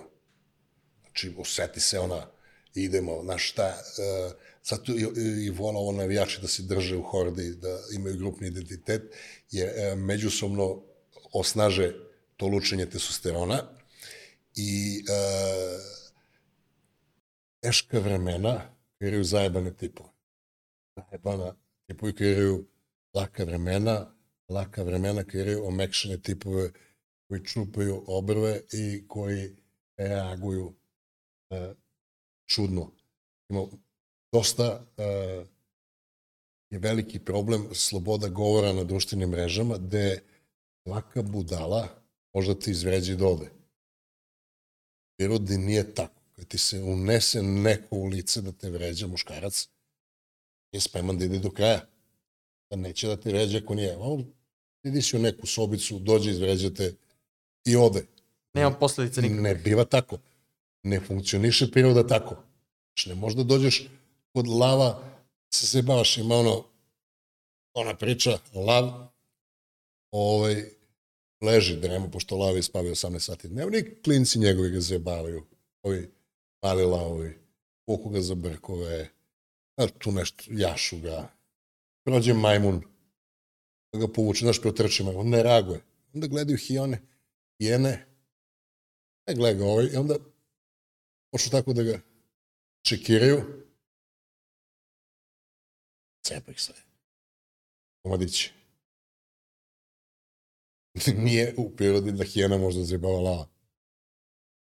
Lavi u obvezi da postavi primjer kako se ponaša. Veliki problem je našeg društva što imamo na mnogim pozicijama muškarce bez integriteta, odnosno bez testosterona.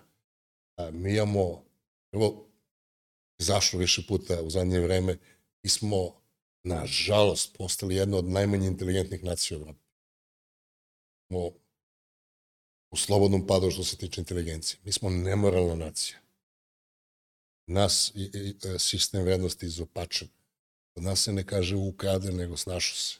Je normalno da a, izbegavaš a, zakon. Mi ne, ne, ne poštujemo ni osnovne moralne norme, nažalost. Sve to omekšava. Kad ne postoje pravila, ti postaješ mek. Si mek. I da dodam da a, odnosi između muškarca i žena sada jako čudni i a, jer veliki neprijatelj a, normalnih odnosa su je besplatan dopamin zadovoljstva i sreće koji se dobija gledanjem filmova, pušenjem uh, pijata, gledanjem pornića i, i ne radivši ništa dobiješ hormon sreće. Problem je što nove generacije su više naslonjene na porno produkciju i on nema onu agresivnost. Kad izađu u subotu grad, mora dovede neku uh, devojku kući. Nema, mi se tu brukamo, moja generacija, znaš, ideš, pa ti se smeju da uveri, ti pijan insistiraš. Sve to jer nije bila dostupnost pornića, pa... Nije, ja meni video bio u dnevnoj sobi kod Čale Tike, sam malo nezgodno, aj vi nemoj da gledate. Znaš, onda izađeš, ovaj, da kažem, pun si e, želje i izađeš na teren. Znaš, ali sad izađe, briga ga, ako ne rade ništa u gradu, e, ima širok izbor i te slike koje vide njemu poremete percepciju, ovo mu nije interesantno. To je ta uh, porna dikcija uopšte ne utiče pozitivno. I testosteron je u padu i problem ovog društva su slabi muškarci. Jer jak muškarac treba da zaštiti sebe, odnosno svoju porodicu i sebe i da pruži. Muškarac koji to ne uradi, a neko to da ne uradi. Će žena, ili, znaš, tovari nekom drugom tu obavezu. Stalom, rekao sam, a, snaga puta smanjuje rizik od iznenadne, odnosno perane smrti. Može testosteron da se poveća. Može. Kako? A, širenjem hladnom vodom i rađen i čušnjaju. Naravno, postoje preparati, se pije cink, magnezijum, ali a, najoptimalnije je trening snage. Znači, trening snage, Čučanj. čučanj, hladan tuš i da se baca na pornići. a, abstinencija od pornića. Deci će se kaže, aha, mnogo me ne rekao da ne pijemo, da ne pušimo trave, da ne gledamo porniće, da ne igramo video igrice. Dobro. I onda deseti dan, će mi ovakav život. Znaš, jer a, dopamin je hormon koji služi kao nagrada. Te motiviše da izubijaš noge kad ideš da tražiš hranu, da doneseš hranu za svoju porodicu da te motiviše da ustaneš iz kreveta, da, da ideš da se boriš, ovde ga sad ove generacije dobio besplatno. On igra video igricu da ih ubija, da je on faca. On ode na Twitter, izvređa nekog. On, ovo, naš, Brza hrana, nagrade. ne može sam da napravi, no me da upali vatru. Ne da rasklopi uređaj da ga se stavi. Točak sa automobila da skine. Ti si jedan od prvih uh, ljudi iz fitnessa ovde koji su pokrenuli svoju, svoju aplikaciju i probacili svoje poslovanje delom na online. A, ja sam u povratku iz Amerike počeo da držim treninge i bilo mi onako a, bolno. U Americi sam naplaćivao 1000 i po mesečno. Imao sam devet klijenata. A ovde u Nišu stotka mesečno, znaš. Kako ti kažem, super je, ali nije super. Znaš, ono, a, ništa nije kao bivša lepotica i bivši snagator. Znaš, ja sam mnogo lepo bila, a niko te ne, ne tretira sada. Ništa nije tužno kao kad imaš velika primenja, pa nemaš. Ja napunim tu 15 klijenata sam imao i zadesi se da neki priča doktor ovo je nešto nenormalno smršno sa mnom. Znači, od, ono, e, kao Pavle Vujšić izgledao, to Rambo, hvala. I podesi se da ga zna neko sa jedne televizije koja je u konfliktu sa jednim youtuberom sada. Ove, ja pazio bi da ne stane mnogo ni u jedno ni u drugo. Neki životinje u pitanju. I ove, dođe ekipa. Mi smo čuli i napravi prilog za dnevnik. Od ono, wow. Mi se javljaju ljudi, da mi se staviš ti, a ono. Ja ne setim se odmah uh, mojih internet poduhvata iz Amerike, nego počnem da šaljem uh, tabele, Google Documents. Ja često kažem Excel, a ja ne koristim Excel, pa jer mi je lakše da bude na cloud. I gledam uh, vežba, broj serije, broj ponavlja, pa nađem na internetu link. Da, da snimim ja svoje vežbe. Snimim sebe, a jebote nije, znaš, gledam kao neko ko može prodaje mršost. Ja sam, op, poždrenuo sam. Ja se izvinjavam. Ovaj, ja snimim ponovo, uzmem uh, na bildu, jednog bajča, da snimimo, a ti kažem, snimio sam 1200 veža, mislim, neke se ponavljale različiti ambijenti sa različitim ovim spravama i još tada sam snimio vertikal. Jer sam predosetio da će uh, video da bude vertikalan zbog telefona, znaš, ne možeš baš ceo život ovo da radimo sa telefonom. To sam pogodio i onda sam slao ped, ove, uh, Google Documents tabele na mojim tim videima, onda angažujem programera da mi napravi sajt koji sam imao u Majamiju i mogu ti kažem da sajt odmah počne da razvalja. Znači, ovde sam uh, poznatiji nego u, vidljiviji sam nego u Americi. Onda ljudi su kupovali, sve to bilo automatski. I meni to nije bilo dovoljno dobro, jer ja nemam kontrolu. Jer ja na tome da buljim u njega, i dolazimo do, do, trećeg segmenta priče, a, nije ni brzina kojom se diže šećer u krvi, nije to o, ovaj, po vrsti hrane, nego po vrsti bakterije koje mi imamo u želucu. A, 90% ćelija nismo mi. Mi smo 10%, a 90% su ćelije koje se nalaze u našem stomaku, koje vare hranu, koje definišu krvnu grupu i u zavisnosti od toga kakav ti je taj mikrobiom, kako se već kaže na stranom jeziku, toliko si ti zdrav. I, i ja sam do skora nosio par meseci, da li je moželjak, merio sam šećer kontinualno dva meseca s onim senzorom što nosi diabetičari, diabetičari, da utvrdim kako šta diže nivo šećera u krvi, jer nije šta jedem, čak nije ni da li jedem prvo salatu pa meso ili obrnuto samo, nego koje bakterija ja imam, jer ovo će ti zvučati smešno, hoću ti kažem na šta sve obraćam pažnju. A, određena bakterija se zapati kod miša u stomaku, miševi počinju da budu zaljubljeni u mačke. Mačka pojede dva, tri komada i bude zbunjena. Kada ti iznenada ne napome da jedeš čips ili nešto, ti imaš bakteriju koja žudi za tim. Potpuno nova disciplina medicini, veoma nepravedno zapostavljanja, jer od kvaliteta onoga što nam vari hranu je uh, zavisi kvalitet našeg života. Ti ne možeš da budeš dobro ako su ti loše bakterije u stomaku. Adolf Hitler imao veliki problem sa ekcemima, nije mogao da nosi čizme između stalog, lečili ga različiti lekari i onda je došao Bajča koji je napravio probiotike. Sad malo je to, kad se priča van medicinskih krugova, čudno, ali od stolice bugarskog seljaka koji živi 500 godina, koji jede kefir, ovaj, od stolice bugarskog seljaka je napravio probiotik, dao mu da proguta tabletu, da njemu diglo novu uh, u stomačnu floru i izlečio me ekceme par dana. Da ponovim. Instaliramo je novi e, bakterijski softver u stomaku i njemu se sredilo zdravlje.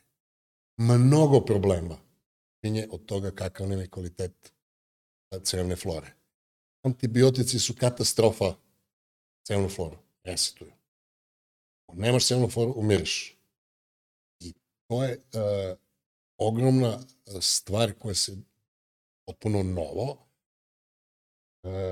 budućnost je već počela, samo je neravnomerno raspoređena, kod nas nije. E, ja sam bio jedan od donatora, da li to da pričam, jednog start-upa iz Amerike. A, sad je četvrta industrijska revolucija, gde ne postoji mnogo razlah između realnog i digitalnog i između ovaj, našeg unutrašnjeg sveta a, napravili su softver, veštačku inteligenciju koju prikuplja podatke interneta i otprilike ume da definiše geolokacijski kakav je mikrobajom. Da nije, barem iz moje perspektive, nije isto da li je plan iskren za nekog iz Subotice ili za nekog iz Vranja. Još uvek podaci za ovaj deo sveta nisu dovoljno dobri, ali vodim računa o tome jer e, bakterije u našem stomaku igraju veoma bitnu ulogu u našem opštem zdravlju. Što su one zdravije, mi smo zdravi. To recimo objašnjava, si pitao nekad kako dva tipa iste težine visine mišićne mase jedu isto, ovaj se goji, ovaj se ne goji. Kako? Ima bakterije koje izvuku maksimum. Ne, ti u organizam, jedeš više šećera, te bakterije teraju da jede šećer, i drugi nema i njegov organizam ne prepozna tu, e, dobro, i... tu energiju i to samo prođe, ti to izbaciš kroz stolicu. I, mislim, nije stolica 100% očišćena od kalorije. Neko je u nekom procetu, neko ko nema dovoljno tih bakterija, samo prođe i on se ne goji. Kako srediti tu srednu floru? Postoje oni probiotici i uh, moj ortak koji je hirurg, koji seče ljude, kaže jedina najvažnija stvar uh, je probiotik. Probiotik ti, kada imaš po geolokaciji koja ti odgovara, jer tebi se taj makrobiom definiše po onome šta ti mama kuvala, kako si jeo i on se prilagođava. Kad bi se preselio u Japan, uh, imao bi problem sa stolicom, pa bi se neko vreme navikao, jer mi nemamo, recimo, uh, ove bakterije koje će da jedu alge, koje će umeti da izvuku iz alge, ali vremenom uči i suštine da se radi ta analiza i da se sazna kako ti funkcioniš i da se popravi. To može da reši mnogi stvari. Alergije su posljedica najčešće nerazumevanja uh, bakterija sa hranom koju jedeš, Tu možeš da izmeniš sa inputom, da promeniš šta jedeš, a možda promeniš i bakterije koje su ti u stomaku. E, to je a, treća knjiga koja je dosta uticala na mene, Utroba sa dušom. uh, žena je napisala ovih sekundi, ne mogu da izgovorim, jer ja knjige ne čitam da odgovaram pred učiteljicom, ja knjige čitam da si uzmem šta meni treba. I uh, tri stvari, znači, naša iskrena uh, je u rukama prehrambenih korporacije koje u nama vide uh, Excel tabelu i one imaju tipove zajebane koji pojačavaju ukus hrani, smanjuju uh, koeficijent sitosti, indeks sitosti, tako što ubizgavaju šećere, smanjuju nus proteina. Uh, druga stvar je da naše ma, masne ćelije su razdražene tim načinom ishrane i one su u modu za hranjenje stalno, nisu mirne, nego su daj. I treća stvar, naše bakterije su naučene na ugljene hidrate i pošto je naš mozak izolovan, a centralna stvar se dešava u stomaku, on dobija podatke od ozdu i njemu šalju, komuniciraju direktno, od bakterija dobija informaciju, ajde da zagrlimo mačku, odnosno ajde otvori frižider, ajde zovi Glovo, ajde zovi Volta, još, još, malo je, malo je i čips i smoki i daj i sladoled. I to je. I to objašnjava zašto su ponoški ljudi stalno gladni, jer su njima razdražene masne ćelije i bakterije u njihovom stomaku upravljaju njihovom mozgom. Rođo će da demoli mi nešto slatko u sledeća pet minuta. Malo pre sam izostavio da, da te pitam kad smo pričali o ishrani i treningu o suplementaciji. Sad, to su ozbiljni biznisi. Suplementacije, propagira se, nema džaba treniraš ako nemaš suplementaciju, pa ima milion stvari, ne mogu da pohvatam da li kreatin, protein, pa šta ide pre, šta ide Gledaš posle. u čoveka koji je za ceo život uzeo dve činice onih proteina, od toga jedan bio od naranđe, predao sam kao magarac, to je bio kraj karijere sa proteinima za mene, iako sam bio vrhunski, i moj lični stav je da ima smisla pričati o proteinima, odnosno o suplementima, ako treniraš više od 12 puta nedeljno i imaš meče od 6 sati kao Novak Đoković ili dižeš preko 400 kg. Znači ti svojim klijentima to ne, ne. ne savjetuješ. Sa iskrenom sve možda postigneš u nekom uh, nižem, srednjem, čak i višem rekreativnom nivou. Eventualno ako si zarobljen na nekom aerodromu, pa nešto onda pojedeš nešto, neki protein, ali i na aerodromu možeš da kupiš. Nisi tupav, piše ti A, B, C. Ove, a proti, oni, ti preparati su kao kada ne, e, neko kupi Golfa dvojku, pa ga ofarba u sjajno zeleno, stavi folije, felne i stavi mu spojlere. Spojler nije ulepšavač za auto, spojler služi da kad ti ideš preko 270-280, da onaj vazduh koji se zavuče ispod, da se ne pravi vazdušni jasno da te podigne da se izvrneš, onda se napravi spojler, pa turbulencija pritiska spojler i kao da si stavio, ne znam, kameno 200 kila u gepek, da, da se ne odvojiš, na 320 sve odvaja od zemlje. E, a da staviš spojler na auto koji ne može da ide preko 130, uh, mi znamo da si entuzijasta i da nisi preterano pametan, ako to radiš.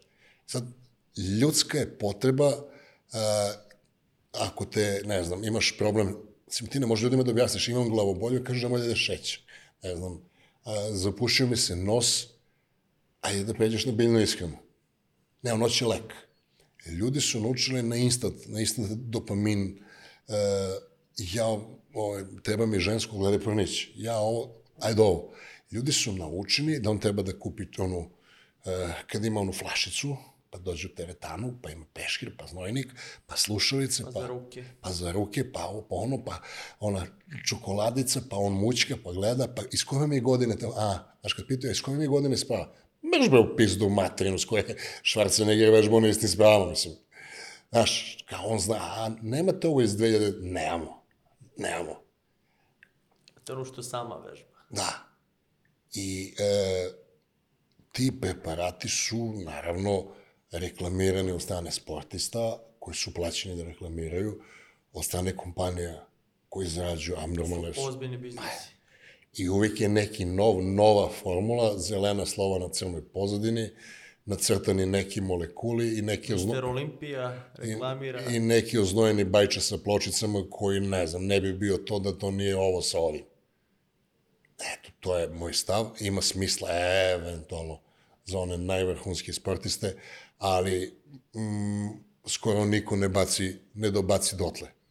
Ti si neko ko, ko je napravio ogroman uspeh i što se tiče marketinga, što se tiče online biznisa, ali ne priznaješ marketing. I zbog toga nismo kroz ovu priču provlačili, da kažem, marketing, jer si ti organski čovek, je li tako? Pa, definicijom, znaš, nije marketing samo ono dugme da ti uključiš marketing, da ti skoči neki uh, Istok Pavlović. Marketing je sve što radiš. Marketing je da li prelaziš ulicu na pešačkom prelazu ili si kao biždek pretrčao na crveno. Tvoje negiranje marketinga je tvoj marketing. Kako ti kažem, ja sam u, biznis, u, u biznisu prodaje znanja. Ja prikupljam znanje, obradim, odvojim šta je neupotrebljivo i stavim na raspolaganje. Ako moj video, prvo ako sam napisao knjigu Da želim da smršam, napisam tri knjige koje su objavljene i, i prodato preko 50.000 primjeraka. Neko je tišao u knjižaru, piti, dobar dan, dobar dan, da li imate knjigu Milana Stromina? Da, koju od ove tri? Pa ono zamešanje, ja nju nemamo, sačekat ćete, onda kupi knjigu, pa je pročita, pa mi pošalje poruku, pa mi pošalje sliku kako je smršao. Sad, broj ljudi u Srbiji koji čita je mali. I to je moj biznis model, ja čitam, oni ne čitaju, jer da su nastali video i knjiga u isto vreme, ja ne bi čitao. Ljudi ne bi čitali, smakši da gledaš video, da ti on priča to što ti, što ti čitaš i daje ti ovaj markere kako da zapamtiš.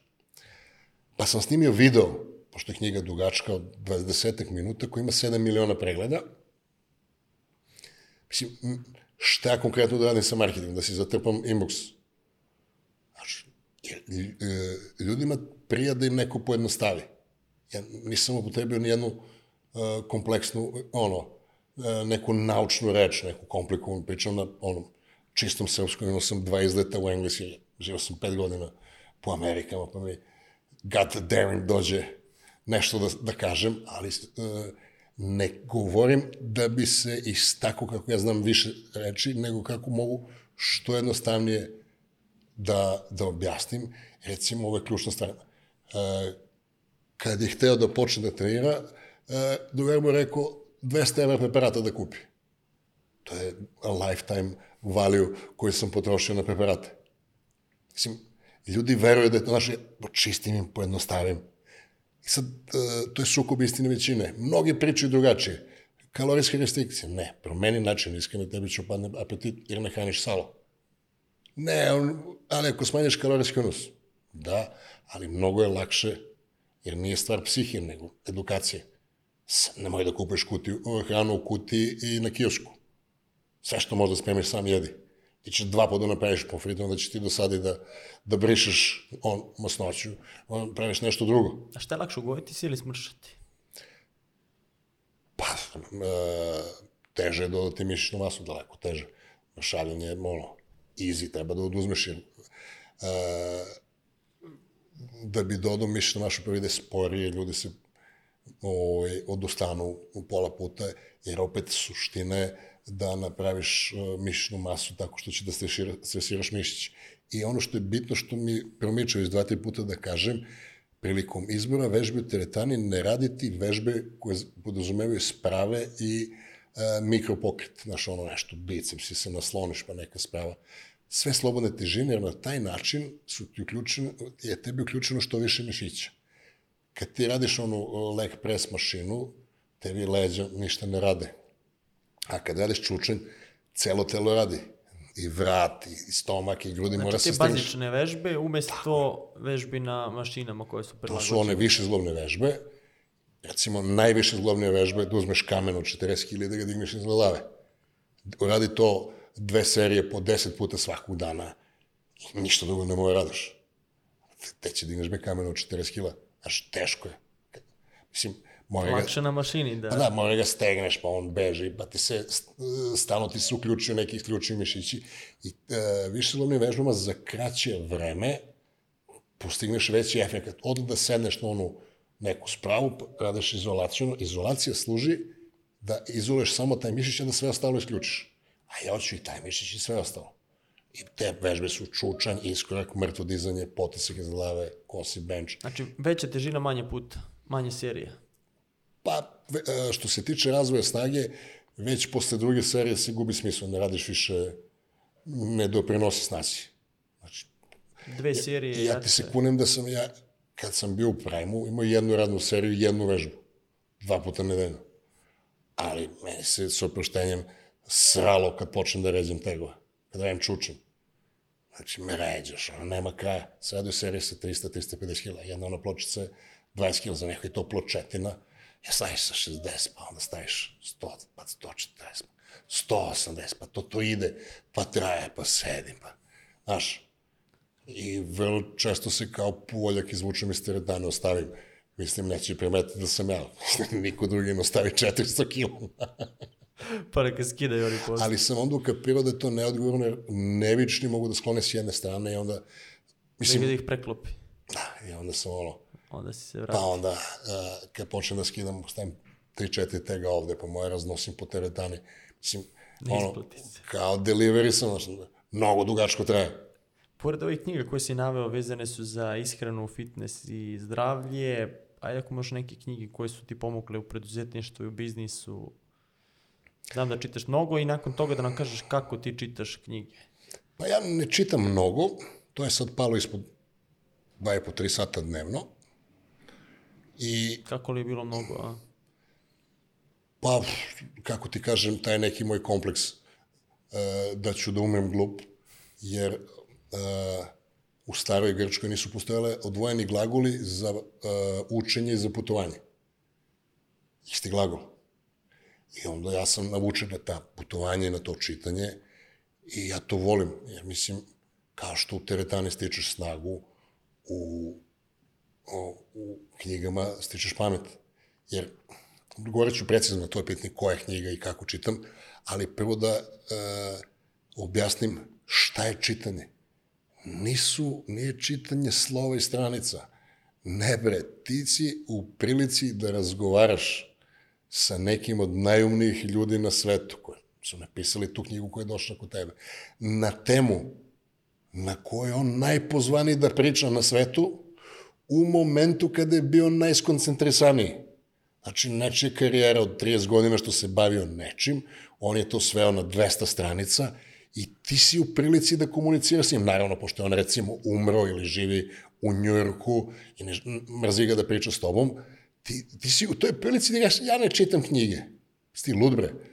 Mislim, postoje tipovi od kojih možda naučimo. Jer mi smo srednja vrednost petoro ljudi sa kojima se družimo.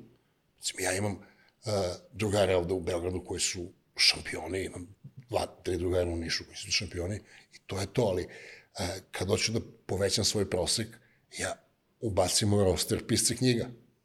Ja taj što je napisao knjigu i koja nije oštampana u iljadu primjeraka, nego se štampa u milion primjeraka, taj znači da je ozbiljan tip i da bukvalno njemu Ducati spadaju iz, iz ove kucaće mašine. Znači, e, čitanje nije, nije samo ti čitaš, ti si prilici da komuniciraš s nekim ko je prepametan. A nekad je pola sata sa nekim ko je mastermind dovoljno da ti promeni život. E sad, e, kako ja čitam? Mi smo do čitanja došli tako što su nam zadavali šta treba da čitamo za lektiru i da budem iskren, ja nisam zadovoljan kakva je lektira danas. To su naslage nečega, e, mogu da me pljuju koliko hoće, ja ne mislim da deca treba čitati Šekspira, mislim, prekomplikovano, znaš, mnoge stvari koje su nekada bile aj super, postoje stvari koje će decu lakše da involviraju u čitanje i e, mi smo naučeni da čitamo da možda odgovaramo. Da pročitaš od korica od korica i učiteljica te pita Ko se pojavio na 15. E, strani? tako je. Međutim, uh, ja čitam iz sebičnih razloga. Čitam da uzmem ono što mi treba.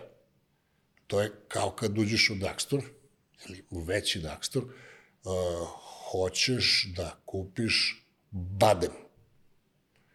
Ja ne gledam sve police. Ja idem gde, gde su orašasti plodovi i uzmem badem. I dođem na kasu i izađem. A, knjige od kojih mi imamo korist, kojih možemo svašta nešto da naučimo, su napisane oko jedne ili dve ideje, tri, četiri tvita, jedan blog i filer. filer je ono što je interesantno, kad popiješ tri piva, i super, on kad je bio sa ženom, pa su njemu rekli naredom, pa su me prepoznali, tada sam ja ukapirao da treba na 14 stranica potroši. A glupo je da ti prodaje knjigu na 8 stranica. Kako, kako treba čitati knjige, pošto sam ja onako skromno imam crni pojas u, u tome, e, za početak ne treba imati ošto selekciju oko kupovine knjiga, ako postoje resursi, treba kupovati sve knjige. Znači, knjige treba preseliti iz knjižare kući. A, to je jedan, ja to radim, ja kupujem 80 knjiga mesečno i moram svaku da otvorim da znaš, šta je da mapiram. I sad ako uvatim loš ritam, budem zatrpan, ali principijalno ne, ne dajem, jer ako je stavim neotvorenu u policu, nemam valiju, a, koliko god da si pametan, kad se osvrneš kad viš koje knjige sve nisi pročitao, koje nisu negde, nego su u tvojoj dnevnoj sobi, gledaju te s police, ti će kažeš, ja sam, izvini, šta si ti, nešto sam nervozan danas, sad ću da čitam, jer mi, uh, naš život ne definišu knjige koje smo pročitali, nego koje ćemo da pročitamo. Jer, uh, događaje koji nas menjuju nisu poznate stvari, rutina, nego nepoznate stvari. A knjiga ti služi da ti stoji tu, da ti recimo, ovaj, sad kažeš, ej, Strumen, pomenuo za uh, bakteriju organizma. Pogledaš koja ima za bakteriju organizma, pogledaš ono, ona je doktorirala u Beču, tamo, i onda izvadiš drugu i onda možda napraviš niz, uh, jer čitanje ne služi da odgovaraš, nego da zadovoljiš svoju znatiželju i ujedno da se ojačaš. Jer uh, život je kao arkadna igrica, a ti recimo na drugom nivou treba da uzmeš neki nožić ili ključ, a ti si na 19. oni kažu, a ključ? Koji ključ? I zato je bolje uh, sve vreme što više se pripremati. Kada se opredelim da čitam neku knjigu, ja odem u knjižaru pa kupim, baš onako, o, o, o, oko nje nakupem, stvarno ono, pošto motorom idem, kupujem ono koliko mi je kapacitet kofera i onda prelistam sve te knjige i onda tu koju se naoštrim, nekad je čitam baš nje, ali nekad ne, pogledam autor kako se zove, ukucam u YouTube, sve što je kraće od 3 minuta pogledam odma, pa gledam šta kaže ono, o njemu i onda ukapiram kao detektorom za metal gde je hranljiv sastojak. Šta nije filer i onda pogledam knjigu, pogledam sadržaj, pogledam uvod, jer se svi tru, u uvodu se trude da te zadrže, da im da li je duhovi, da li je zdrkan, da li je uh, senilan, znaš, da li je kurčevit, poće da ti da što više onih izraza koji ti ne trebaju. I uh, odmah zapadam u ono što se meni, što mislim da treba da pročitam, i ako ga uvatim, ne čitam dalje. Mislim, teško da će nađemo u jednoj pogači ovaj, dve čestice. Znaš, ja detektorom za metal pređem da je ova petobanka. I se vraćaš tome posle? Stalno se vraćam. I meni, mislim, Podlačiš? Sve podlačim, pišem, zavrćem uši knjigama, pišem po koricama, stavljam strelice, pišem svoje misli. Jer to je taj kreativan proces. Jer ti kad radiš iste stvari, ne možeš misliš ništa novo. A ovo, znaš, uh, menjaš kontekste istorijske, geografske, menjaš discipline, ovaj, psihologija, ekonomija. Ja naravno sve zaboravljam, Einstein kaže nešto, nego Mark Twain kaže uh, obrazovanje je sve ono što ti ostane kad zaboraviš šta si učio u školi. Sad to mora da se obnavlja. I meni nekad recimo, znaš, kad mi se vratim, vratim na neku knjigu, aha, to je ovde, pa onda čitam, pa mi je lepo, pogledam svoje beleške, šta ima, nikad ne, ne vatam beleške sa strane. Ima recimo ortaka koji knjige da budu, on ih ne otvara, ih agresivno otvaram, ono, sad će mi se zatvara dok čitam, nekad se raskupusuju. Uh, mogu ti kažem da sam, uh, kad sam teo sad ovo da istražim za uh, prvi nivo, drugi nivo za lekare, sam gledao knjigu koju sam ja pisao. pre četiri godine sam je zadnji put rekao, jebote što dobro napisano. Meni bilo po mom ukusu je napisana moja knjiga sa, sa ovim, e, sa zadrškom. Što kaže dobra knjiga. Dobra knjiga. Znači, pogledaš na YouTube, pogledaš ovamo, pročitaš, eventualno pogledaš levo, desno i jako je bitno da je zapamtiš gde si stavio. Ja sam se selio i to mi je ogroman propust. E, nisam da se selio kontekstno, nego ogromna količina knjiga, napakovao sam kao da nemam ni jednu knjigu. Ništa ne mogu da nađem. Šest meseci mi je potrebno bilo da počnem da se snalazim i godinu dana da znam da je šta. Ali bukvalno da znam ono, u milimetar. Znači, bez gledanja mogu da uzem knjigu. I vadiš znanje samo iz nje. Sipaš. Pa jednostavno, ja sam u biznisu znanja. Moje posao da znam, i, jer ljudi su zatrpani informacijama. Jer ranije bio problem e, manjka informacija, a, informacije su se prenosile e, mahom preko crkve, jer crkva imala prepisivačku školu i knjige su se prepisivale u manastirima, a, otkud više od 30 slova koje sa sekao Vuk Karadžić, pa nekog bolida tamo u manastiru, gnjaž, banj, pa kad prepisuje nije imao da tumači, pa si ga nacrta kako njemu izgleda i onda počne da se akumuliraju slova i onda se pojavio Vuk Karadžić koji je bio plaćen od strane Rusa i od Austro-Ugara, mislim, malo je čudno da nekom daju ko nije, ko nije živo u Srbiji i koga ne plaćaju u Srbiji da ti sređuje jezik. I sad, onaj glavni naš dijalekt stare Srbije, Makedonije, Kosova, on je seko kao, on nije srpski, nego je ovamo okužica. Mislim, Vuk je popljačko, nego ajde da ne širim temu, on je ću vam drugu emisiju. popljačko, bre, ove stare knjige prodavao po Rusiji. Mislim, e, to je jedna dogma, Vuk je generalno bio štetočina. Jer, kako, to da je stara Srbija, to, da je sada Makedonija, to, ne, ta, to je bila Srbija. E, on je dokazao da to nije naš jezik. I sad nije naš jezik. Kad nije tvoj jezik, nije tvoja zemlja. Mislim, ja nisam srpski nacionalista, nemam ništa toga, nego kažem da, je, da smo zadržali da je, uh, kako ti kažem, vranjanski srpski, leskovački srpski, pln, žult, Bajča. da, to je srpski, a nije, wow, to je, bre, kasnije nastalo. Znaš, on je uzao za uh, standard nešto ovo kužica i meni se, recimo, kada pričam, ja sam kod tebe, pošto smo dobri, uh, ne, ne preteram uh, sa onim niškim, znaš, onako, soft ti dajem, ali kad me neko nervira, ne, znaš, mislim, kaže, ti si, uh, kad pričaš južnjački, ti si nepismen, molim? To je moj akcent, ja tako pričam. Mislim, kao što u Americi neki pričaju ovako, neki. Mi tako pričamo. Nemam nameru se prilagođavam ako ne moram, a ne moram. Eto, to je bio moj izlet u... Bajča, zato ćemo posebnu emisiju da dođeš Ne ovde. mora, ovo mi je rečeno da ne- Lagano.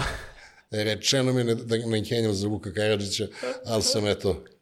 E, preskočili smo marketing, ali smo se dotakli, dotakli Vuka Bajčo. Hvala ti što si bio gost Biznis priča. Sad ti treba kažeš kao, Znači, biznis priče, znači, to je ono, znači...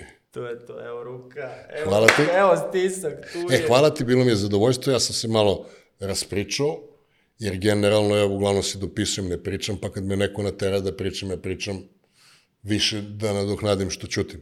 Aj, rekao še, kažeš na silu pričam, ali... A nije Bom, na silu. Hvala ti još jednom što si bio gost, a mi se vidimo u Narodnoj biznis priči.